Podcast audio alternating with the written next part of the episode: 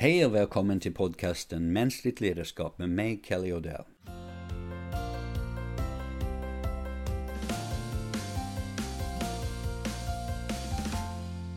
Häromdagen fick jag ett meddelande från en person som följer mitt nyhetsbrev och som jag kommer att kalla Linda.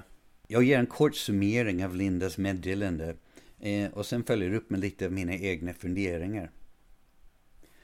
Linda är chef och kämpar med några utmaningar med vissa medarbetare. Hon berättade att en del av sina medarbetare beter sig som tolvåringar. Linda förklarar att hon har en medarbetare som jag kallar Jill som är mycket pålitlig, kompetent och intelligent men hon är också mycket känslig. Jill tar väldigt illa vid sig om någon annans respons till henne inte är så positiv som hon tycker att det borde vara. Jill kände sig illa behandlad en morgon när hon delegerade arbetet till en annan medarbetare, Karen. Då hon upplevde att Karens respons var bara ett, en stor suck av frustration. Jill rapporterade händelsen till Linda och förväntade sig att Linda ska åtgärda problemet. Så vad bör Linda göra? Ja, djävulen finns naturligtvis i detaljerna. Är Jill Karens chef eller bara en kollega? Om Jill är Karens chef tycker jag att Linda bör uppmuntra Jill att hantera frågan genom att prata med Karen själv. Linda kan vara en bollplank, men ansvaret ligger hos Jill i hennes roll som chef. Om Jill inte är Karens chef är frågan lite annorlunda. Är det en del av det normala arbetssättet att Jill delegerar arbetet till karen eller var det mer av en engångsföreteelse? Medarbetare får naturligtvis be sina kollegor om hjälp men de kan inte kräva det av kollegan. Den andra personen, Karen i detta fall, har rätt att tacka nej. Om kollegan säger ja med ändå med en viss uttryck för frustration kan man tänka sig att en verkligt känslig kollega skulle ta fasta på detta på ett mer positivt sätt. Eh, Jill kunde till exempel säga eh, Har du mycket att göra just nu? Är det något jag kan hjälpa dig med?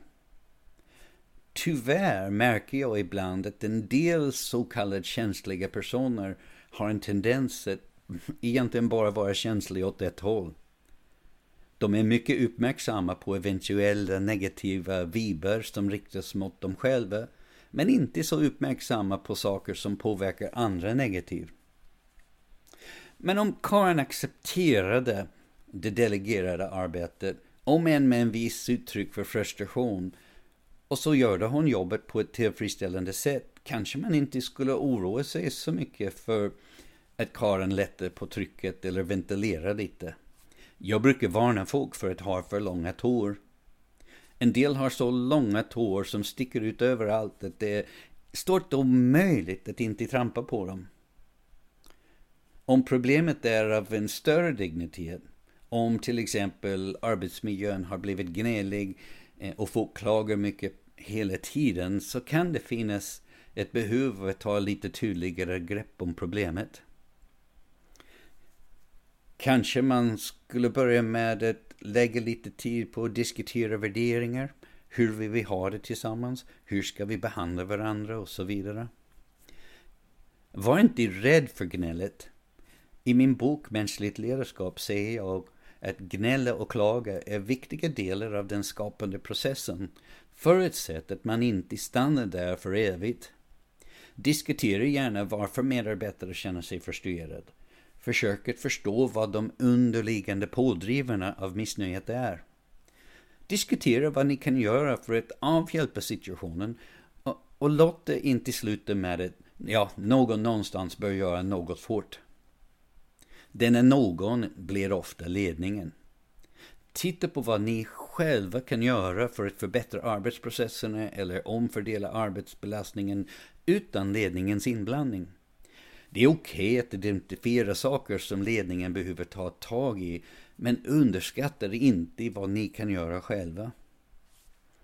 Det är också bra att påminnas om att vi inte måste gilla varandra eh, för att vara en del av en framgångsrik verksamhet. En del studier indikerar till och med att för mycket gillande kan ha en negativ inverkan på bland annat produktiviteten. Det vi däremot måste göra är att visa varandra respekt. Sätt upp några riktlinjer för hur vi pratar med varandra. Jag har själv aldrig haft problem med tuffa diskussioner på jobbet så länge de handlar om verksamheten. Men så fort någon korsar gränsen och blir oförskämd, förnedrande eller elak behöver de upplysas om att deras beteende är inte acceptabelt. Jag kan ha en dålig eller dum idé, men jag är inte en dålig eller dum person. Det är en hårfin gräns, men det är en viktig gräns. Jag hoppas att du gillat det här avsnittet av eh, podcasten. Eh, och jag ser fram emot att prata med dig nästa gång.